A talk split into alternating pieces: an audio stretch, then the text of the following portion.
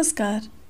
तामाङ समुदायको यो गीतसँगै म सेवा भट्टराई तपाईँलाई रैथाने भाकाको यो श्रृङ्खलामा स्वागत गर्दछु। तामाङ समुदाय विशेष गरी मध्य नेपालका पहाडी र हिमाली क्षेत्रमा बसोबास गर्दछन् र यो समुदाय गीत सङ्गीतमा धनी छ। काठमाडौँको ट्राइबल हार्ट सङ्गीत उत्सवमा भाग लिन आएको बेलामा मैले केही तामाङ गीतहरू सुन्दै तामाङ डाजाङ साहित्यिक संस्थाका अध्यक्ष फुलकुमार बोमजन र अरू साथीहरूसँग कुराकानी गरेकी थिएँ।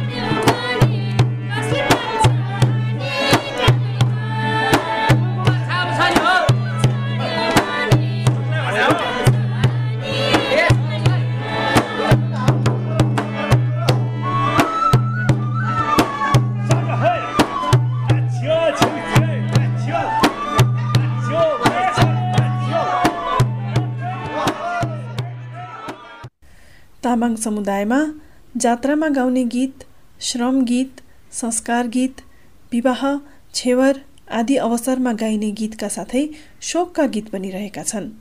फुलकुमार बोमजन भन्छन् जुन तामाङ बस्तीहरूमा पश्चिम धादिङतिर अलिकति फरक छ सिन्धुपाल्चोकको पनि माक्लो बेलमा र सिन्धुपाल्चोक दोलखातिरको एउटा एक खालको छ।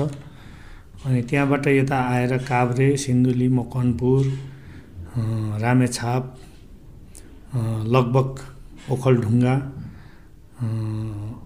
यो एरियाको यो ललितपुर नुवाकोटसम्मै छ। यसको चाहिँ लगभग लगभग एक नासकै छ तामाङ गीतहरू।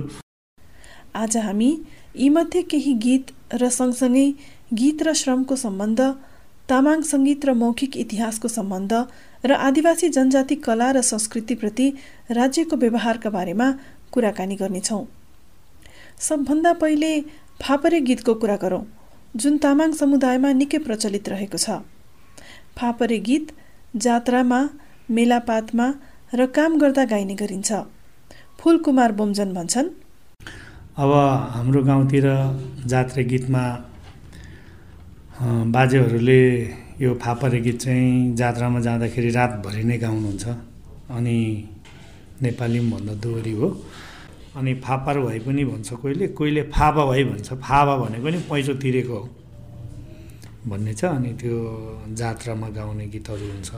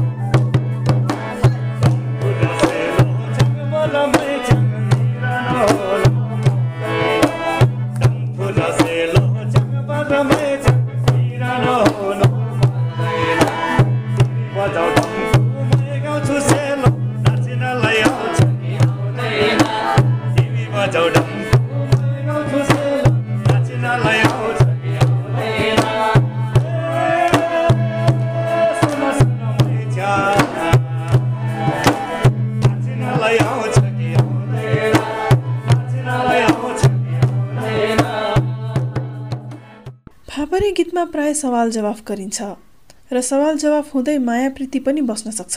फापरे गीत यसरी जनजीवनमा अभिन्न रूपले भिजेको रहेछ। दैनिक जीवनमा श्रममा हिँडुलमा जहाँ पनि यो गीत गाउन मिल्दो रहेछ। जाँतोलाई मान्छेले गीत बिस्तारै गायो भने त्यसले जाँतो नि बिस्तारै घुमायो। होइन? त्यो रोलिङ हुन्छ नि त होइन? त्यसरी गाउँदो रहेछ। अधिकांश गीत गीत चाहिँ छिटो छिटो गाउने अनि जाँतो पनि छिटो छिटो घुमाउने उसले छिटो गायो भने जाँतो छिटै घुम्छ। भनेपछि त्यो रिदमको काम चाहिँ जाँतोले पनि गरिरहेको रहेछ। कस्तो इन्ट्रेस्टिङ कुरा गर्नुभयो तपाईँले। हाम्रो जनजीवनमा एकदम भिजेको रहेछ नि त गीत सङ्गीत त होइन? असाध्य नै। कामहरू गर्दाखेरि पनि गीत सङ्गीतहरू अब त्यसरी कामसँगै मिलेर गाउने गरिँदो रहेछ होइन त। अब जुन उसले घाँस बोकेर बसेको छ भने घाँसकै गीत पातकै गीत पाखा परेका पाखा पखेराको फुलको गीत चराचुरुङ्गीसँग जोडेर बिम्बात्मक हिसाबमा कोइलीको कथा जोडेर हुन्छ कि अब त्यो चिबे चरोको कथा जोडेर। आफ्नो जनजीवन जस्तो छ त्यस्तै आफ्नो आँखामा देखा परेको पात्रहरूलाई बिम्ब बनाएर दुःखको गीतहरू माया प्रेमको गीतहरू गाउने गर्दो रहेछ खासमा र गाउने साथी भेटिएपछि जुनसुकै समयमा पनि यसरी स्वतस्फूर्त रूपमा कुनै बाजाको साथ नहुँदा पनि फापरे गीत फुर्दो रहेछ।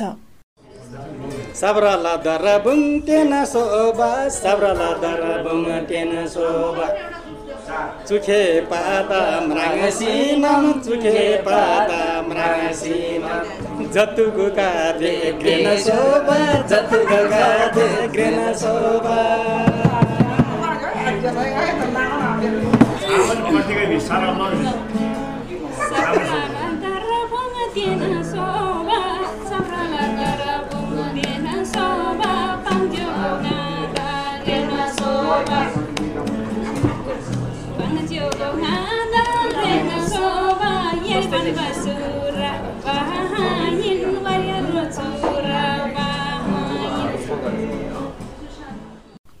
थुप्रै समुदायमा सङ्गीतको जरा खोज्दै जाँदा हामी यसरी बाजा नबजाई गाइने गीतमा पुग्छौँ।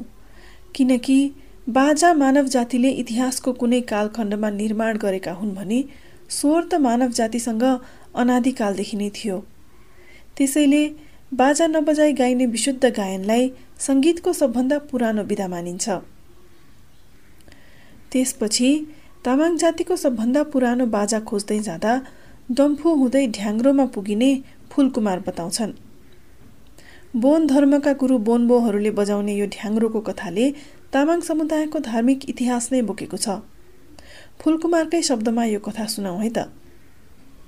खास गरी तामाङ गीतको रिदमहरू चाहिँ त्यो बोनबाटै आएको। बोनबोहरूले ढ्याङ्ग्रो बजाउँछ नि। त्यो बोन सही बोनबाटै त्यो सङ्गीत र गाउने र बजाउने दुइटै लय को अभ्यास हुँदै आएको देखिन्छ। त्योभन्दा अगाडि चाहिँ अरू बाजा देखिँदैन जस्तो ढ्याङ्ग्रो बजाएर ढ्याङ्ग्रो बजाउँदै फलक्दै फलक्दै फलक्दै फलक्दै जाने। अनि त्यो फलक्ने पनि शैली फरक फरक अनि ढ्याङ्ग्रो रिदम बजाउने नि शैली फरक फरक हुँदै गएको ढ्याङ्ग्रो यो बोनहरूको भोन्बोहरूको रूपमा पाइन्छ। त्यो पछि चाहिँ अनि पछि डम्फु विकास भएर विशुद्ध गीत सङ्गीतको लागि चाहिँ डम्फु विकास भएको देखिन्छ र त्यो पछि चाहिँ डम्फुको रिदमहरू नाच्ने गीतहरूमा अथवा जुनसुकै उमा चाहिँ डम्फु रिदम भेटाइन्छ। नेपालमा अधिकांश तामाङले आफ्नो धर्म बौद्ध धर्म बताए तापनि बौद्ध धर्मभन्दा पनि पुरानो बोन धर्मका अवशेष पनि तामाङ संस्कृतिमा रहेका देखिन्छन्। बोमजनले सुनाएको एउटा कथाले यी दुई धर्मको द्वन्द्व र समायोजनको कथा बोकेको छ। मेरो बुझाइमा तामाङ बोन पनि लामा पनि दुइटै धर्म बोक्ने जात हो जसले आगो पनि पानी पनि सँगै बोक्दो रहेछ। तर हाम्रो चाहिँ आदिमकालमा एउटा कथा के छ भने त्यो बोनले नै लामाको लामाले गर्ने मृत्यु संस्कारको काम पूजापाठको काम बोनले नै गर्थ्यो। अनि बोनले फेरि त्यो पूजापाठ गर्ने काटमास गर्ने देउतालाई चढाउनेदेखि त्यो लामाले गर्ने दुइटै काम एउटै बोनले गरेको कथा छ। अनि पछि त्यो त्यसरी गर्दा गर्दै एउटै बाउको दुईवटा छोरा चाहिँ एउटा लामा भएपछि त्यो दुईजनाको ट्रसल भएपछि अनि त्यो ढ्याङ्ग्रो बजाएर मन्त्र जपेर घामको उमा उडेर जाने कम्पिटिसन हुन्छ क्या तिनीहरूको? त्यस्तो कथा छ। त्यो उडेर जाने बेलामा भाइले चाहिँ अल्छी गरेर अथवा खै के गरेर ब गर्दा गर्दै दाई चाहिँ झाँक्री चाहिँ उडेर घामको छेउमा पुग्नु लागेछ अरे। अनि त्यो घामको छेउमा धुन्झुर वन भन्छ कि? धुन्झुर वन चाहिँ अब बाजी जित्न लागे थाहा पाएपछि भाइले चाहिँ अनि गोगल धुप चाहिँ उसले आगोमा हालेर त्यो धुवा परा पारेर आकाश नै पुरा बादल पारेर अनि दाइ चाहिँलाई झारेको भन्ने कथा छ। अनि झार्दाखेरि झाँक्री चाहिँ सिक्नोको बोर्डमा पऱ्यो कता पऱ्यो अनि भुइँमा झरेपछि ऊ हरायो भन्ने छ कि। हराउँदाखेरि दलसिङ ढुङ्गाभित्र छिर्यो भन्ने त्यस्तो कथा आउँछ दलसिङ ढुङ्गामा आगो निस्किन्छ नि। हो त्यो अरू अब त्यो लामाले भाइ चाहिँ लामा लामाले दाजु र भोनबो र लामाको टसल परेर उसलाई झार्दाखेरि अब ऊ झर्न त झऱ्यो अब पछारेर उसको अगाडि बस्नुभन्दा ऊ दलसिङ ढुङ्गाभित्र अलाप भयो भन्ने कथा आउँछ। अनि दाई चाहिँ दलसिङ ढुङ्गामा अलाप भएपछि लामालाई त्यो दाई झारेको पापले उसलाई कुष्ठरोग निस्क्यो भन्ने त्यस्तो कथा छ। अनि त्यो केही गरी निको नहुने भएपछि फेरि त्यो दाइसँगलाई नै पुकार गरेर फेरि त्यो बोनले नै उपचार गरेर लामा निको भयो र त्यहाँदेखि लामा र बोनको पेसा छुट्टियो भन्ने कथा छ तर अहिले यो दुइटै कुरोसँगै बोकिराखेकै देख्छु म। यो कथाले नेपालका प्राचीन आदिवासी प्रचलनहरू र नौलो धर्म बिचको द्वन्द्वको कथा सुनाउँछ। बौद्ध धर्मभन्दा पनि पुरानो बोन अभ्यासहरूका बारेमा बोमजन भन्छन् पुरानो धर्म नै त्यही हो। अब हामीले तामाङहरूको हिस्ट्री खोज्दै जाँदाखेरि त्यो बोनहरूले चाहिँ यो प्रकृति कसरी बस्यो धरती कसरी बस्यो आकाश कसरी बस्यो त्यो सबै बोनको फलक्ने शैलीमा आउँछ अनि हाम्रो बाउबाजेहरू कहाँ थिए कुन कुन नामको थियो भनेर आफ्नो आफ्नो वंशवाली चाहिँ त्यो देवाली गर्दा फलक्ने चलन छ। त्यो कारणले हामीले एकदम लामो चार पाँच सय हजारवटै त्यो आफ्नो बाजेहरूको नाम फलक्नुपर्छ भनेपछि तपाईँहरूको लामो हिस्ट्री नै संरक्षित छ। संरक्षित छ तर त्यो अलिखित छ। त्यो लेख्ने चलन अक्षर सभ्यतामा आएर पनि त्यति लेखिसकेको छैन। हामी चाहिँ अहिले लेख्ने क्रममा पनि छौँ। यसरी बोनबोहरूले यो समुदायको मौखिक इतिहास जोगाइराखेको समुदायको सृष्टिकथादेखि लिएर मूल्य मान्यताहरूको सम्झना जोगाइराखेको बुमजन बताउँछन्। हिमालका आदिवासीको यो जीवनशैलीमा बौद्ध धर्मको प्रवेश हुँदा के भयो भन्ने कुरा बोमजनले सुनाएको कथाले बताएको छ। भाइ अर्थात् कान्छो धर्मका लामा दाईभन्दा शक्तिशाली भएर दाई अर्थात् पुरानो प्रचलनलाई भुइँमा त झारे तर परिआउने अरू सङ्कटको समाधान गर्न नसकेपछि दाईलाई फेरि पुकार्नु पर्यो। दुवैले एक अर्कालाई जित्न नसकिने देखिएपछि दुवैजनाले पेसा छुट्याए र आआफ्नो सिमाना बाँधे। फलस्वरूप आज तामाङ समाजमा बोन र बौद्ध दुवै धर्मको अभ्यास देखिन्छ। यस्ता कथा नेपालमा अन्त पनि भेटिन्छन्। उदाहरणका लागि डोरबहादुर विष्टले फेटलिजम एन्ड डेभलपमेन्टमा कर्णालीका स्थानीय देउता मस्टो र नवागन्तुक ब्राह्मण बीचको द्वन्द्वको कथा समेटेका छन्। गङ्गा तटीय हिन्दू धर्म र अरू धार्मिक परम्परा बीचको द्वन्द्वका प्रमाणहरू मेटिँदैछन्। त्यस्ता नौला धार्मिक अवधारणाप्रतिको सुरुवाती प्रतिरोध देखाउने धेरै किस्साहरू कर्णाली नदी किनाराका खस क्षेत्रमा भेटिन्छन्। उदाहरणका लागि हुम्ला कर्णालीको तल्लो क्षेत्रमा पुग्ने पहिलो बाहुनको सन्ततिले आफ्ना पुर्खा र शक्तिशाली स्थानीय देउता गुरामस्टा बीचको भेटको घटना सुनाएका छन्। ती बाहुनसँग वादविवाद गरेपछि बाहुनसँग पराजित हुनु परेकोमा गुरामस्टा निकै रिसाएका र चिन्तित थिए रे। केही हदसम्म बाहुनले ल्याएको नयाँ धर्म र विद्यमान धामीमा आधारित परम्पराले सहकार्य गरे किनकि दुवैले अर्को चाहिँ धर्म आफ्नोमा मिल्न आएको माने। केही जजमानबाट जीविकोपार्जन गर्न पाएसम्म बाहुनलाई कुनै समस्या थिएन भने आफ्नो धर्मबाट पुरै नछुट्याएको हुनाले धामीलाई पनि कुनै समस्या भएन। केही महत्वाकांक्षी खस धामीहरूले त बाहुनहरूको दर्जा पनि लिएर आफ्नो भूमिका जारी राखे। नयाँ देवता मान्ने कुरामा कुनै समस्या थिएन किनकि पुराना सँगसँगै नयाँ देउता पनि पुज्न सकिन्थ्यो। समयक्रमसँगै देशभरका मानिसले शिवका साथै विष्णु र अरू देवतालाई पनि मान्न थालेर हिन्दू भनेर चिनिए। यस्ता कथाका माध्यमबाट नेपालमा आज स्थापित भएका धर्मभन्दा पुराना प्रचलनमा चिहाउन सकिन्छ।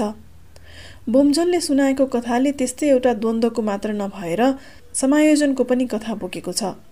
अन्त्यमा दुवै दाजुभाइले एकअर्काको शक्तिलाई स्वीकारेर सह अस्तित्वमा कथा टुङ्गिएको छ। फलस्वरूप बौद्ध धर्मका साथै त्योभन्दा पनि प्राचीन जीवनशैलीको अवशेष तामाङ समाजमा जीवितै छन्। बोमजनको यो कथाबाट ढ्याङ्ग्रो बजाउँदै हिँड्ने बोन गुरुहरूले समुदायको इतिहास जोगाएको मात्र नभएर यो महत्त्वपूर्ण बाजाको कथामा समुदायकै कथा रहेको तथ्य पनि देखा परेको छ। यसले पनि समुदायमा गीत सङ्गीत र बाजाको महत्त्व दर्शाउँछ। बाजाहरू सुरुमा रीतिरिवाजमा प्रयोग हुँदै गएपछि बिस्तारै विशुद्ध मनोरञ्जनका लागि पनि बनिन थाल्छन् र यही क्रममा तामाङ समुदायमा दुईवटा बाजा प्रख्यात छन्। टुङ्ना र ढ्याङ्ग्रोबाटै विकसित भएको मानिएको डम्फु। पहिले टुङ्नाको कुरा गरौँ है त। नेपालको हिमाली क्षेत्रमा बस्ने थुप्रै समुदायले टुङ्ना वा त्यस्तै तार बाजा बजाउने गरेका छन्। तामाङ समुदायमा टुङ्नाको प्रयोगका बारेमा मैले अधिवक्ता सरोज लामासँग यो छोटो कुराकानी गरेकी थिएँ। अनि ङ्यान भनेको ज्ञान भनेको बज्ने भनेर अनि बोक्ने र अनि बजाउने भएर। अनि पहिला पहिला चाहिँ त्यो गोठतिर बस्ने मान्छेहरूले यो बजाउने थियो। यो प्रयोग गर्नेमा जस्तो भन्दाखेरि हाम्रै मात्र तामाङ समुदायले मात्रै बजाउने भन्ने पनि होइन। यो माथि यो टिबेटन कल्चर सेल गर्नेहरू त्यो अप्पर बेल्टमाहरू हुनेछ नि उहाँहरूले चाहिँ प्रायः सबैले बजाउनुहुन्छ यो किसिमको। तर कस्तो हुन्छ भन्दाखेरि उहाँको सेप र साइजमा फरक हुन्छ। जो शेर्पाहरूले अलिक लामो बजाउँछ र सतिरकोहरूले अलिक सानो बजाउँछ त्यो अनुसारको हुन्छ। जस्तो टिबेटसँगको बोर्डर सेयर गर्नेहरू जति पनि हामी हिमाली बेलका मान्छेहरू छौँ त्यतिको मासतिर जान्छौँ हामीले लगभग कल्चर म्युजिकदेखि लिएर फुडदेखि लिएर सबै कुरा सेयर गर्ने भयो त्यो कुरामा टुङ्गामा पनि अछुत हुने कुरो भएन। फरक यति मात्रै हो कि साइज र अब ट्युनिङमा मात्रै फरक हुने। अब यसमा नर्मल्ली तिनवटा तार हुन्छ। अनि अब यो सारेगोमा पदनिसा अनुसार सा प म भन्ने हुन्छ होइन? तिनवटा मात्रै तारको। कसै कसैले एउटा एक्स्ट्रा तार राखेको हुन्छ त्यो चाहिँ सेम स्केलको हुन्छ। अनि यो तामाङ टुङ्नाको चाहिँ सेप साइज कस्तो खालको हुन्छ? अलि अरूभन्दा फरक हुन्छ है कस्तो हुन्छ? सेप साइजमा फरक त म देख्दिनँ। नर्मल्ली तामाङ गीतहरू अब जस्तो स्केल अनुसार जी र ए स्केलमा चल्छ होइन। तर अब हाम्रो पनि तामाङहरूको पनि भेरिएसन छ क्या। भेरिएसन कसरी छ भन्दाखेरि तपाईँको रस्वातिर बस्नेहरू फरक किसिमको गीत गाउँछन्। उनीहरूको अलिक सानो खालको टुङ्ना बजाउँछ अनि मसिनो गरेर गीत गाउँछ। त्यही अनुसारकै उनीहरूले जस्तो हेलम्बुतिरको पनि त्यस्तै गर्छ होइन? त्योभन्दा तल तलकोले अलिक ठुलो बजाउने अलिक सानो बजाउने भन्ने हुन्छ। त्यो त्यस्तो फरक त छैन। अनि कुन बेलामा बजाउने गाउने बजाउने गर्नुहुन्छ यो चाहिँ? चाडपर्व उत्सव यस्तै त हो नि। अब रमाइलो भए गीत भने अब सेलोको गीतहरू नै भइहाल्यो। त्यसैमा यसो टाङटाङ टुङटुङ गरेर बजाउने। अब यो टुङ्नाको चाहिँ कस्तो भन्दाखेरि गिटारको जस्तो अरू बाजाको जस्तो भन्ने बित्तिकै स्केल चेन्ज गरिहाल्ने त्यो भन्ने हुँदैन। यसको कस्तो भन्दाखेरि म्याक्सिमम् गए एक स्केलमा एक स्केल तल जान सक्ने हुन्छ। त्यही भएर गीत अनुसारको फरक फरक गाउने हुन्छ कि फरक फरक बजाउनु पर्ने हुन्छ। अब तिखो गीतको लागि तिखो नै चाहियो। ठिकै ठिकैको मिड रेन्जको लागि मिड रेन्जको। अब तामाङ सेलोहरू चाहिँ जहिले पनि मिड रेन्जको हुन्छ। त्यो एकदमै तिखो खालको पनि हुँदैन एकदमै सुतिरहने खालको पनि हुँदैन। ठिक्क ठिक्कको हुन्छ मिड रेन्जको हुन्छ। त्यही भएर हामी चाहिँ तामाङहरू चाहिँ मिड मिड रेन्जको बजाउँछौँ भन्छु म जस्तो गीतहरू चाहिँ माया प्रीतिको त्यस्तो हुन्छ। प्रायः सबै। तर मान्छेले देख्ने बेलामा मात्रै माया प्रीतिको अब अरू पनि गीत छन् दुःखको गीतहरू पनि छन्। दुःखको बेलामा पनि जस्तो अब मर्दा पर्दाखेरि मर्दाखेरिको बेला पनि गाउने झाँक्रीहरूले गाउने हुन्छ। ढम्फुई बजाएर केबाला भाइ भन्ने हुन्छ। अब छुट्टिने बेलाको मान्छे अब बितेर गयो बितेर गइसकेपछि मर्ने बेलामा अब छुट्यो नि मान्छे। एउटा परिवारको सदस्य छुटेर गयो एउटा समाज सदस्य छुटेर गइसक्यो छुटेर गइसकेपछि त्यति बेला एउटा डम्फुई बजाएर पनि दुःखको गीत गाउँछ कि त्यो मात्रै होइन कि जस्तो पहिला पहिला त गाउँघरतिर त्यो असारतिर तपाईँको रोपाइ हुने बेलामा त्यो गाउँथ्यो। त्यति बेला गाउँथ्यो। त्यति बेला पनि दुःखकै कुरा गर्ने हो। जात्रा पात्रमा पनि गाउने बेलामा त्यो पनि दुःख सुखकै कुरा गर्ने हो। मायापतिको कुरा पनि आफ्नो ठाउँमा छँदैछ तर जात्रा पात्रमा भेटा बेलामा कहिले दुःख सुखको पनि कुरा हुन्छ। त्यसै गरी तामाङ समुदायको अर्को प्रमुख बाजा भनेको डम्फु हो जुन धेरै गीतमा बजाउने गरिन्छ। डम्फु बजाएर यहाँ फुलकुमार र अरू साथीहरूले तामाङ समुदायको एउटा महत्त्वपूर्ण गीत गाएर सुनाएका छन्। यो जाँड चाहिँ खास गरी हाम्रो तामाङ गीतको हरेक सिर्जनामा यो जाँडको गीत आउँछ। साङ्गाला जिरमा गैबारी मेन्दो भनेर यो तामाङको पहिलो रेकर्ड भएको एल्बममा रहेको आदरणीय चन्द्रकुमार मोक्तानासँग गाउनु भएको गीत हामी यहाँहरूलाई गाएर सुनाउँछौँ। जुन गीतमा तामाङको पूर्ण जीवनशैली आउँछ तामाङको जीवनशैली जोडिएको कुराहरू राज्यको नजरमा हेर्दाखेरि जाँड खानेलाई सजाय जरिमाना पर्छ त्यसको आफ्नै घरेलु मदिरामा पर्छ त्यो भन्दा पनि अर्को कुरो त कोदोलाई कुअन्न भनेर व्याख्या गरेको सुनिन्छ। अनि मेरो संस्कृतिमा कोदोको रक्सी सगुन। जन्मदेखि मृत्यु संस्कार हरेक संस्कारमा चाहिँ मैले यो कोदोको रक्सी सगुन चलाउँछ भने कसले व्याख्या गर्यो होला कि कोदोलाई कुअन्न भनेर? त्यो एकदमै पीडा लाग्छ। त्यो कारणले पनि यो गीत हाम्रो असाध्यै प्रायोरिटीमा पर्छ र यो गीत गाएर सुनाउँछु साङ्गाला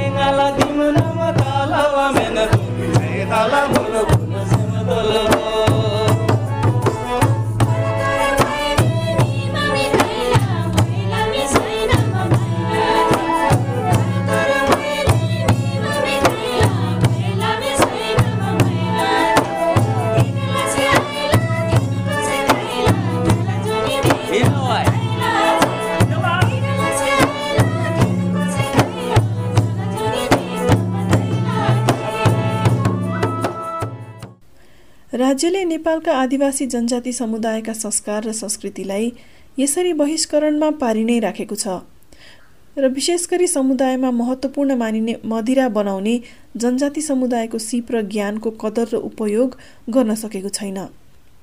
त्यसै गरी राज्यको बहिष्करणको मार सबभन्दा बढी आदिवासी भाषा र संस्कृतिमा पर्न गएको बोमजन बताउँछन्। जति सहरीकरण हुँदै गयो खास गरी अब हाम्रो एजुकेसन क्षेत्रमा हाम बहुभाषा प्रयोग नभएको कारणले स्कुल गएकै दिनदेखि त्यसको भाषा तामाङ भाषा मर्छ। यिनै कारणले गर्दा तामाङ गायकहरूले अरू समुदायका साथीहरू भेट हुँदा बेला बेलामा नेपाली भाषामा गीत गाउने गरेका छन् जसमा शब्द नेपाली भए तापनि लय भने तामाङ हुने गर्दछ।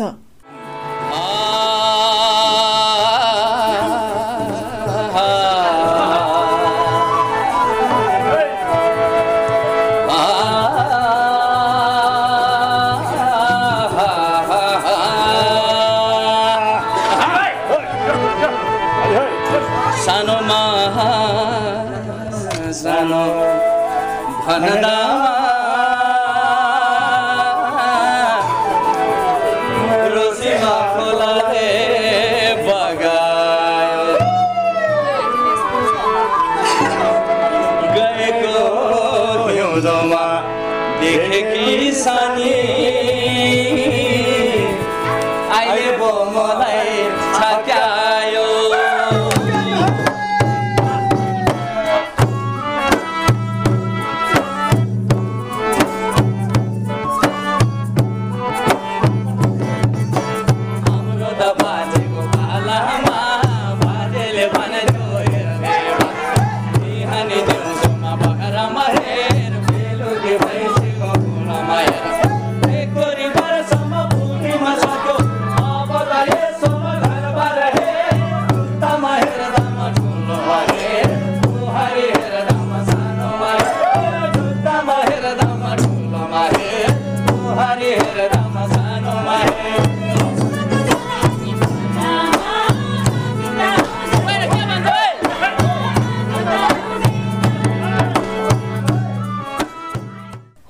यसरी तामाङ लय र भाकाहरू नेपाली सङ्गीतको मूलधारमा प्रवेश गरेको धेरै भइसकेको छ।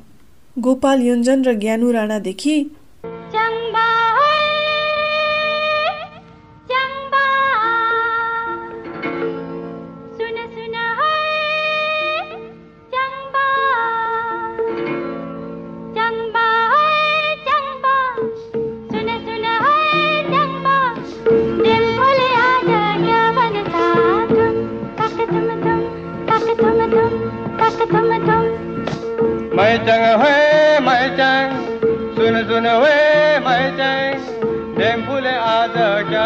बनता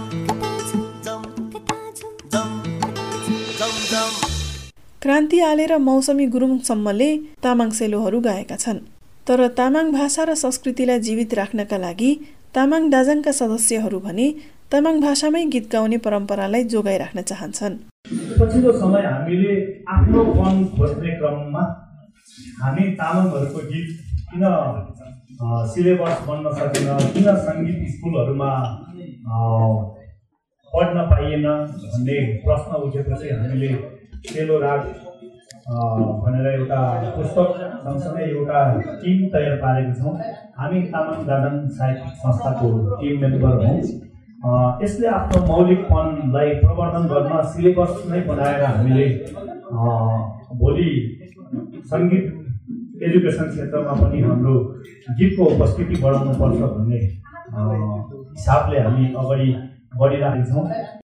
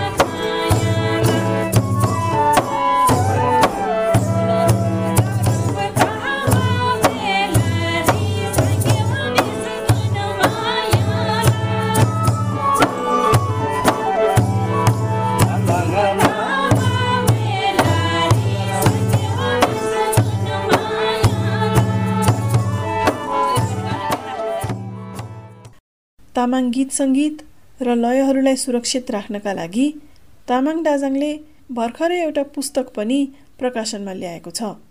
कतिपय चाहिँ गीत हामी तामाङहरूको अधिकांश वनपाखामा र जात्रामा गाउने गीतहरूमा जुवारी लामो लामो जुवारी गाउने सात दिन सात रातसम्मै गीत गाउने कथाहरू बाजेहरूको कथा छ। हामीले पनि एक राते जात्राहरू चाहिँ धेरै हेरेको हो। अहिले हामीलाई गीत सङ्गीतको इतिहास खोज्दाखेरि जसले त्यो एक रातको जात्रा माने गुम्बाको जात्रामा गयो त्यो नै यो मौलिक गीतको विद्यालय हो। अब यो मौलिक गीत चाहिँ अरू विद्यालयबाट हामीले सिक्न पाउँदैन यस्तो नोटेसनहरू पाउँदैन। त्यही कारणले हामीले सेलो राग नामक पुस्तक प्रकाशन गर्न तामाङ दाजाङले संयोजन गरिरहेको छौँ जसमा यो गीत विभिन्न थरीका तामाङ गीतका बिटहरू समावेश गरेर यसमा चाहिँ हामीले लिपिसहित हामीले तामाङ नोटेसन तामाङ गीतहरूको फरक फरक रिदम फर फरक फरक प्याटर्न भएको गीतहरूलाई समावेश गरेर यो बुक तयार पारेको छ। र यसै गरी तामाङ समुदायका गीत सङ्गीत बजाउँदै नाच्दै यिनीहरूको संरक्षण गर्नमा तामाङ दाजाङलाई शुभकामना दिँदै म सेवा भट्टराई रैथाने भाकाको यो श्रृङ्खलाबाट बिदा माग्छु है त। तामाङ दाजाङसँगको यो भेटघाट जुराइदिनु भएकोमा ट्राइबल हार्टलाई धेरै धन्यवाद छ र मसँग कुरा गरिदिनु भएकोमा र गीत सङ्गीतको प्रयोग गर्ने अनुमति दिनुभएकोमा फुलकुमार बोमजन सरोज लामा र तामाङ दाजाङका अरू साथीहरूलाई पनि धेरै धन्यवाद छ। जाँदा जाँदै यो मिठो तामाङ गीत छोडेर जाँदैछु। धन्यवाद।